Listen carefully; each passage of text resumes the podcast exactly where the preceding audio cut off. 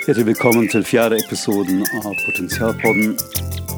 Podkasten om dine, mine og alles potensialer. Jeg er Olaf Solasson. Jeg driver til daglig Akademi for potensialutvikling i Oslo. Og jeg vil også ønske deg velkommen til dette enestående øyeblikket i tid og rom, som aldri har vært før. Og aldri kommer til å komme igjen i den formen dette spesifikke innholdet, og som dermed virkelig er helt unik. Livet består av en tilsynelatende uendelig mengde av disse enestående øyeblikkene. Å være disse øyeblikkene i tid og rom innebærer en mulighet. En mulighet til å bli et stykke mer deg selv kunne kanskje si selv med det store S. Og mulighet til å finne flere puslespillbiter om hvem du virkelig er. Kontra hvem du tror du er, og hvem du forestiller deg at du er. Forestillingen er nemlig aldri virkeligheten. Som du hører i ordet, er forestillingen bokstavelig og i overført betydning det som står foran virkeligheten. Og dermed blokkere din virkelige virkelighet og den du virkelig er. Så mye av det som skal til for å gripe øyeblikkets gaver, begavelser, potensialer. Handler også om det øve deg i å avsløre dine gamle forestillinger om realiteten. Om din identitet, altså hvem du tror du er. Dine medbrakte tros- og verdisystemer. Som ofte står i veien for vår genuine natur og virkelighet. Og du hører i ordet virkelighet at også virksomhet er relatert til det.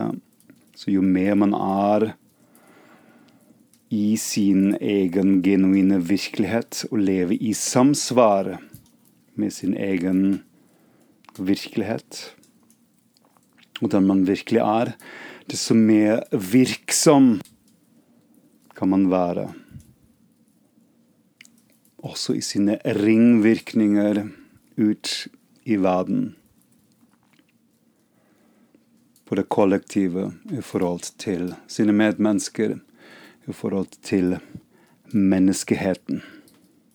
I siste podkasten snakket vi om det som jeg kalte litt for enkelt for livets lykkeformel. Og essensen av denne lykkeformelen var og er at genuin, helhetlig, bærekraftig lykke er alltid en summe av alle tolv primære potensialene. Altså utviklingen av alle tolv primære potensialene. Og at det er kun hvis vi virkelig nærer alle tolv av våre primære potensialene, at vi da kan bli helhetlig lykkelig. Og omvendt sagt, hvis man bare nærer enkle, bestemte potensialer som de aller fleste mennesker gjør, kan man bare bli delvis Tja, fornøyd, kanskje. Jeg vet ikke om jeg skulle kalle det for lykkelig, fordi den eneste bærekraftige lykken må være basert på utviklingen av alle tolv primære potensialer. Før vi begynner vår reise gjennom dyrekretsen, og da med gjennom hjulet av de tolv primære potensialene, vil jeg nevne to ting. Når man først begynner å interessere seg for astrologi, eller studere astrologi, lese litt om astrologi, da virker det som en jungel der ute. Det er et grenseløst hav av begreper, uttrykk, stikkord, knagger, assosiasjoner på hver av de tolv astrologiske arketypene.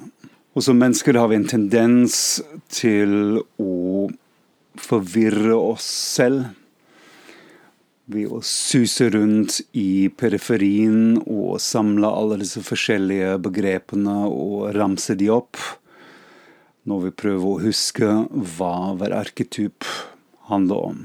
Det som er nøkkelen når man begynner å interessere seg for astrologi, og prøve å forstå de tolv primære potensialene, er at man i første omgang lærer seg essensen, kjernen, the core vesen av hver arketyp. Når man forstår hva hver av de tolv primære potensialene handler om i sitt innerste, indre, så å si, så kan man forstå alle ringvirkninger som beveger seg som en stein som har blitt kastet i vannet i forskjellige konsentriske sirkler ut fra kjernen mot periferien. Men som så ofte forvirrer vi oss mennesker i periferien og mister midten, så å si. Derfor vil jeg foreslå at du, når du fremover kanskje har lyst til å undersøke, eksplorere dine egne tolv primære potensialene, og hvor du står i utviklingen på din vei, på din vekst i forhold til hver av de tolv, at du i første omgang prøver å memorere, minne deg om hva arketypens kjerne, core-tematikk er. Så det er bare som en liten praktisk tips på veien. Det andre punktet før vi starter denne ekspressgjennomgangen gjennom potensialhjulet, Av det at man trenger å forstå at disse tolv primære potensialene av dyrekretsen følger en viss utviklingssekvens, en slags arbeidskronologi, hvor det ene primære potensialet, selv om det står på et vis for seg selv og er like viktig som de elleve andre, at de likevel er del av en utviklingssekvens hvor det ene prinsippet i dyrekretsen i zodiakken følger og bygger på den foregående. Hva jeg mener med det, og hvordan det henger i hop, det skjønner du når vi er i gang her snart. Vi starter vår reise gjennom den magiske sirkelen av potensialhjulet ved det såkalte første primære potensialet, som i dyrekretsen betegnes som vern. Og bare så at det er nevnt for din tekniske forståelse, på planetplan, i den astrologiske bygningen av de tre plan, tilsvarer planeten Mars. Samme primære potensial, bare på et annet plan. Og på det tredje hussystemplan samsvarer det første huset. Med andre ord det er det samme primære potensialet vi snakker om, som har tre forskjellige navn på de tre forskjellige plan, de tre forskjellige etasjene av horoskopbygningen. Øverste plan, dyrekrets, heter det væren. Planetnivå heter den Mars. Og hussystemet heter det første hus. La oss nå ta en litt nærmere blikk på den tematiske kjernen, core-tematikken av dette aller første primære potensialet i potensialsyklusen. Fødselen av vår univers skjedde ifølge astrofysikken for rundt 114 milliarder år siden. Og fått dette fine navn The Big Bang. Uansett, litt for enkelt sagt handlet, handler den Big Bangen om en slags ureksplosjon som dannet utgangspunktet for et univers begynte å utvide seg. Eller som han hadde sagt i potensialutvikling, universet begynte å utvikle seg.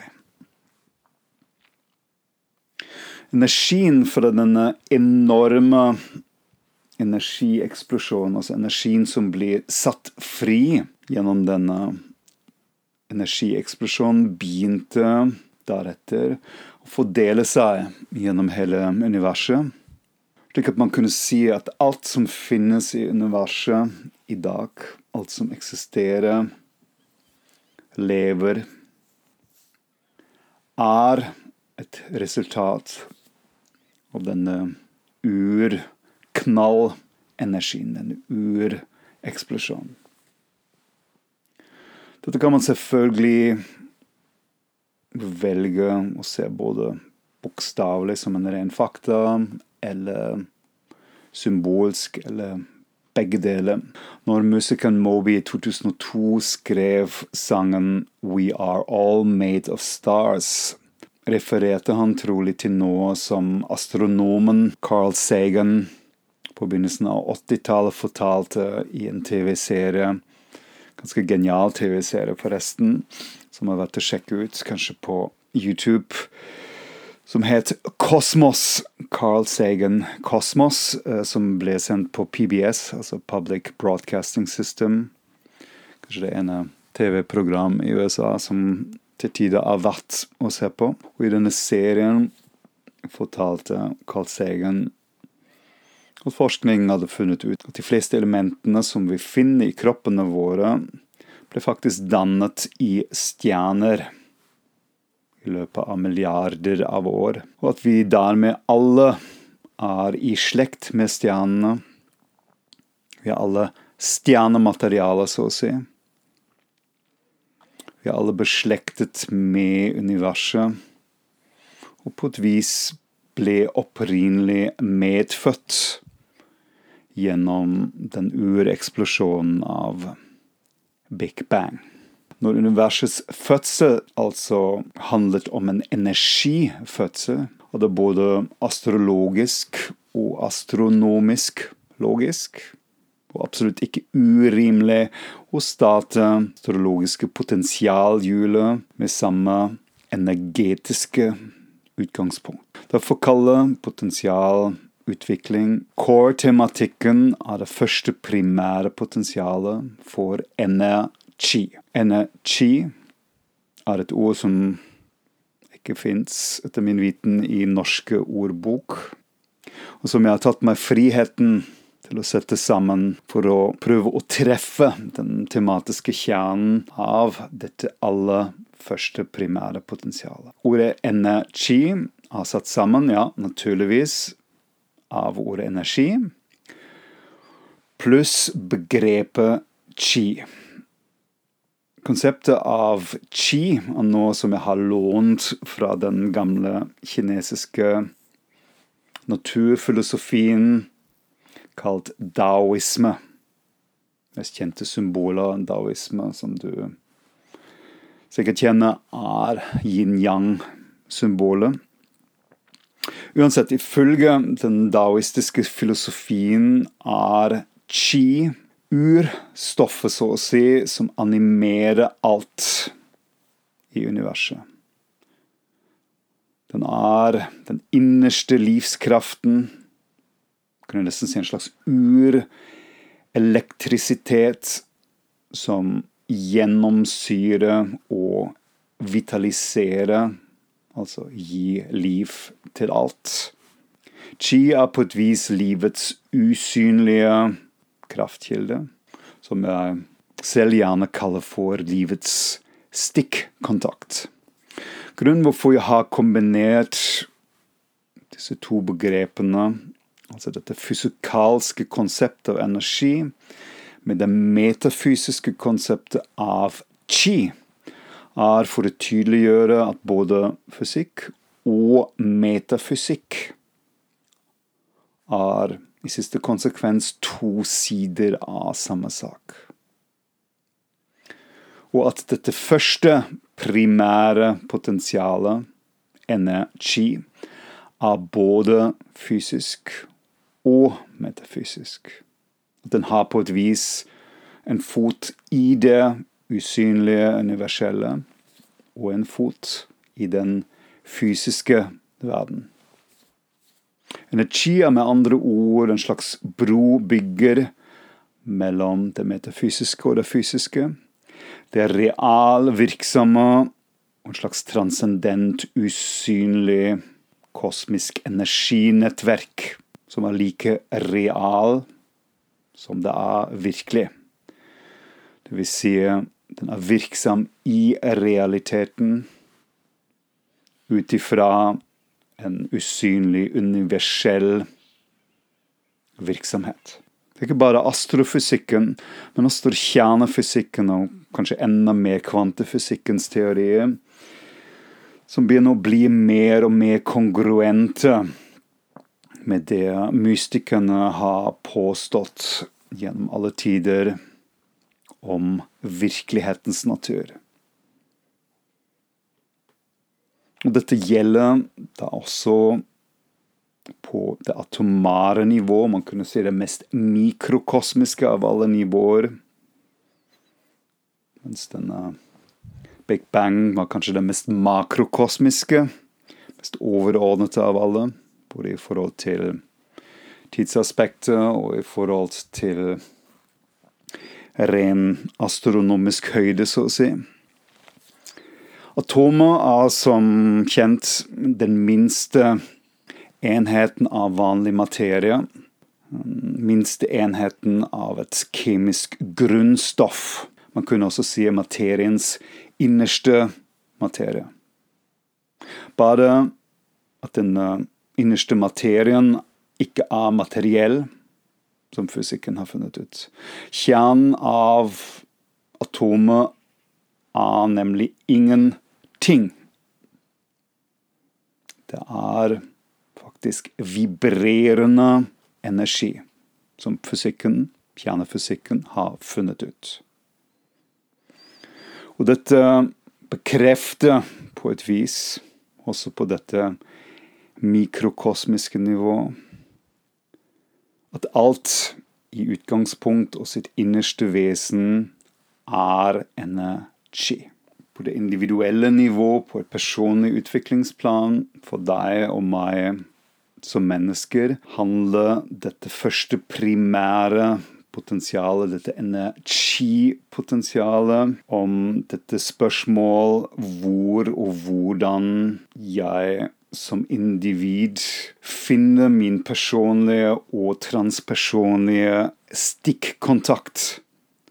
Min individuelle tilgang til denne kosmiske og reale energien. Horoskopet, det individuelle horoskopet, tilsier at hver av oss har sin egen, sin særegen individuelle inngangsport. Altså vår egen måte hvordan vi kan få tilgang til denne kosmiske stikkontakten. Og når vi jobber med å utvikle dette første primære potensialet, handler det å oppdage vår individuelle sesam-energi åpne deg port.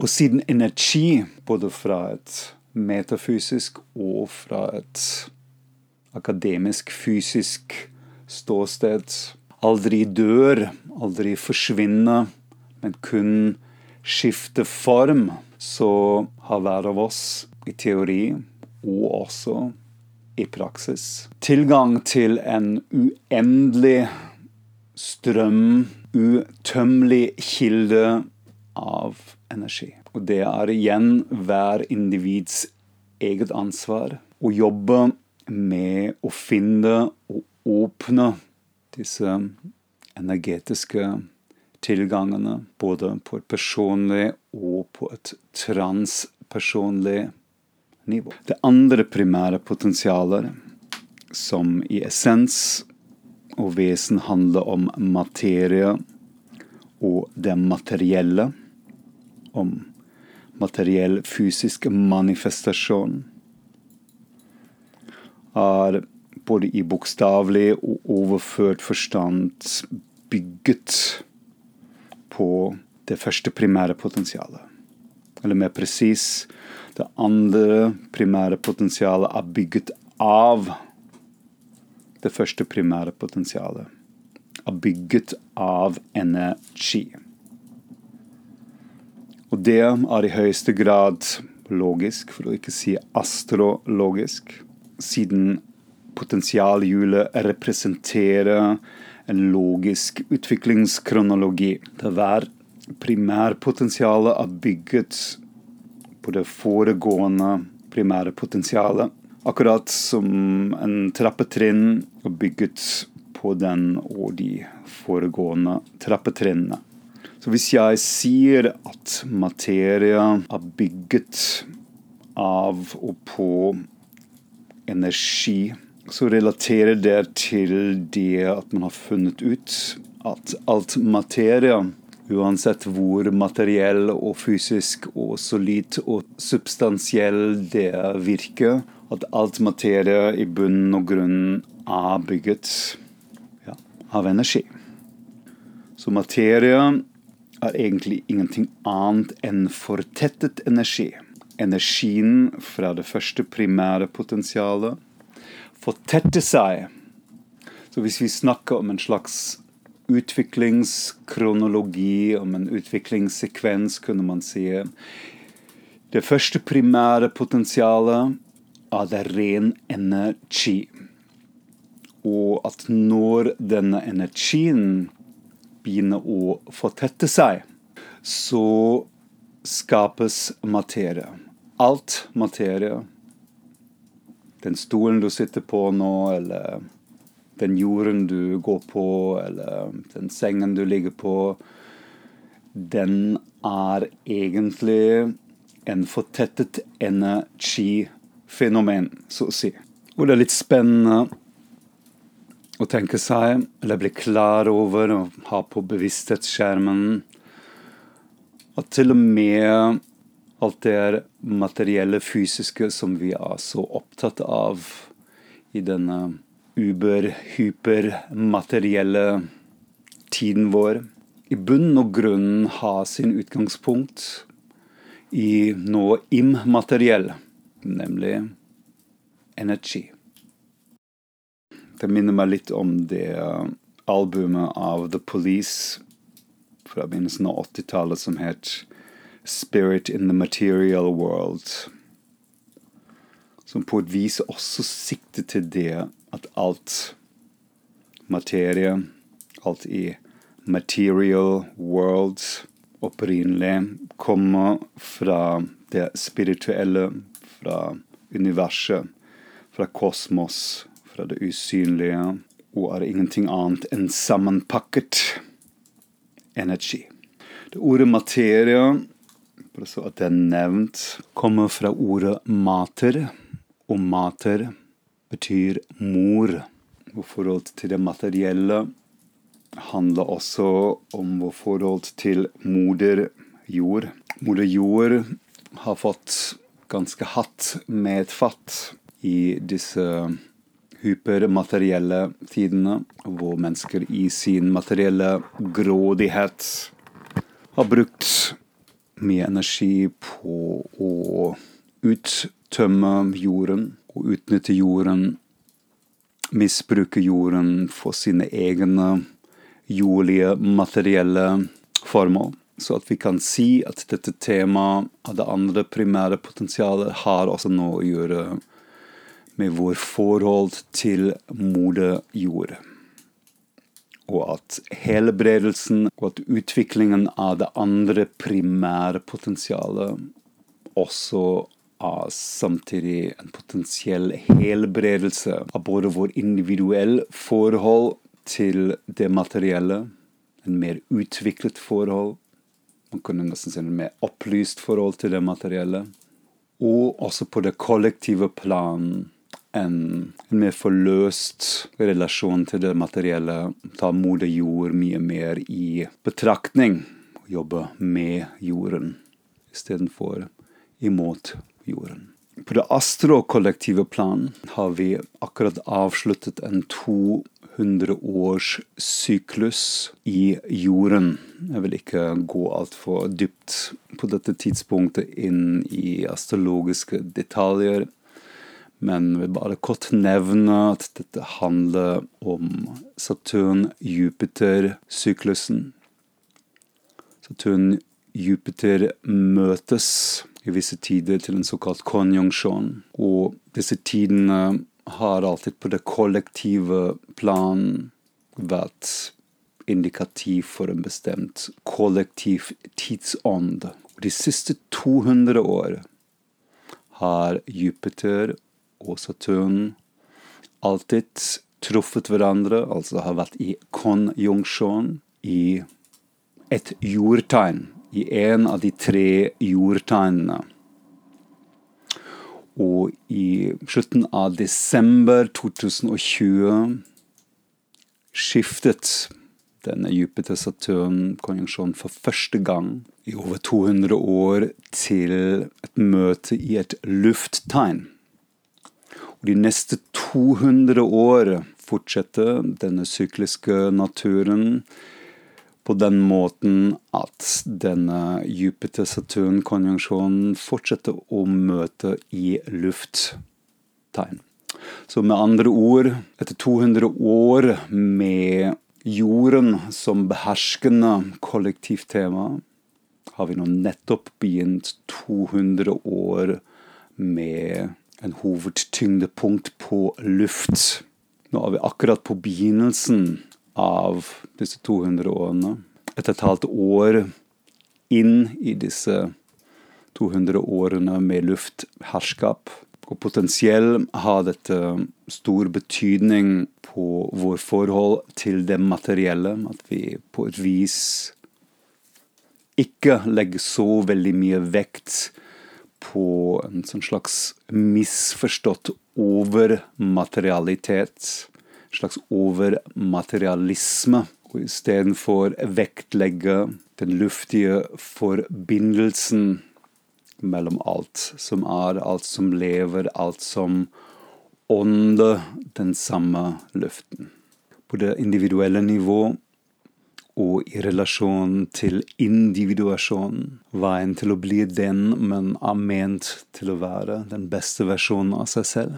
Handler det for hver av oss om dette spørsmålet hvordan jeg skal innstille meg til det materielle. Hvordan kan jeg utvikle en bevisst forhold til materien? Hvordan kan jeg manifestere i mitt liv de materielle midlene som er passende for meg og min helhetlige utviklingsvei? Alt det finner vi beskrevet i individets fødselshoroskop på dyrekretsnivå gjennom tegnet tyr, på planetplan gjennom planeten Venus, tyr-Venusen, og i hussystemet i det såkalte andre hus.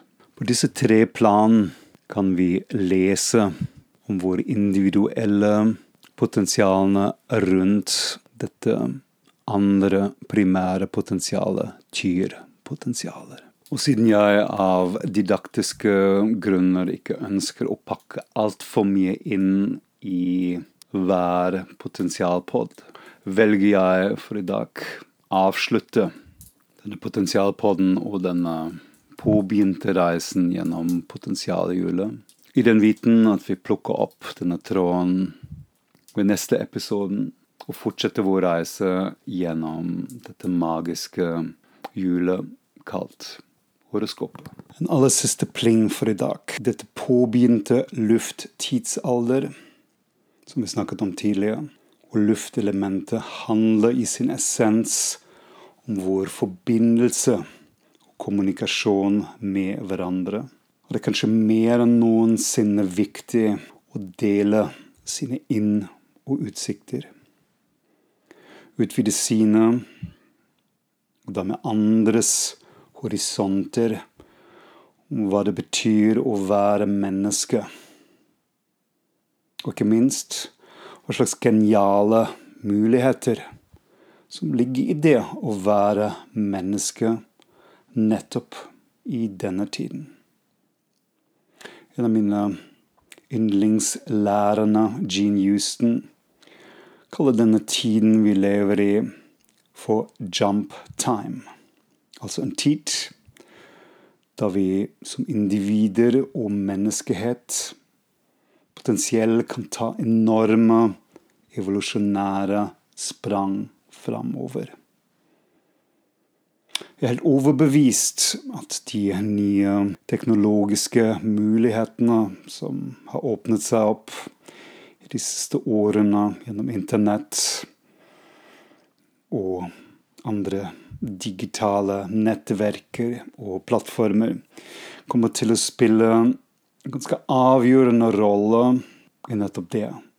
Å spre ny kunnskap, vital viten, fordype visdom og opplysninger om opplysning.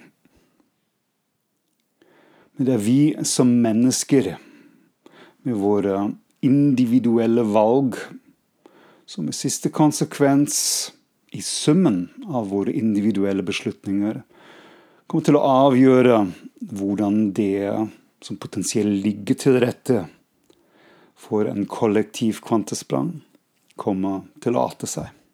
Mitt forslag er derfor å bevisst velge å dele og ta i bruk disse forbindende redskapene som tidsånden, ånden som puster i denne kvantesprangtiden. Vi tar dem i bruk for alt de har vært. Og deler med luftens og lynets hastighet viten og visdom med hverandre, til hverandres og livets beste. Så hvis du f.eks. har lyst å dele Potensialpodden eller andre podcaster som er inspirerende, en eller flere venner, så kan det være et verdifullt bidrag. En slags ringvirkning til å spre viten og visdom til alles beste. Tusen og en takk for at du lånte meg ditt tredje øre, og også det første og det andre øret, og valgte å tune deg inn her på Potensialpodden. Jeg gleder meg til vi høres igjen ved neste episoden, som kommer antageligvis i løpet av de neste to ukene. I mellomtiden ønsker deg noen potensialfylte dager. De er selvsagt alltid superpotensialfylte. Så kanskje det jeg ønsker deg, er at du erkjenner mest mulig av de potensialene som til enhver øyeblikk banker på døren av ditt liv, og kan gripe tak i dem.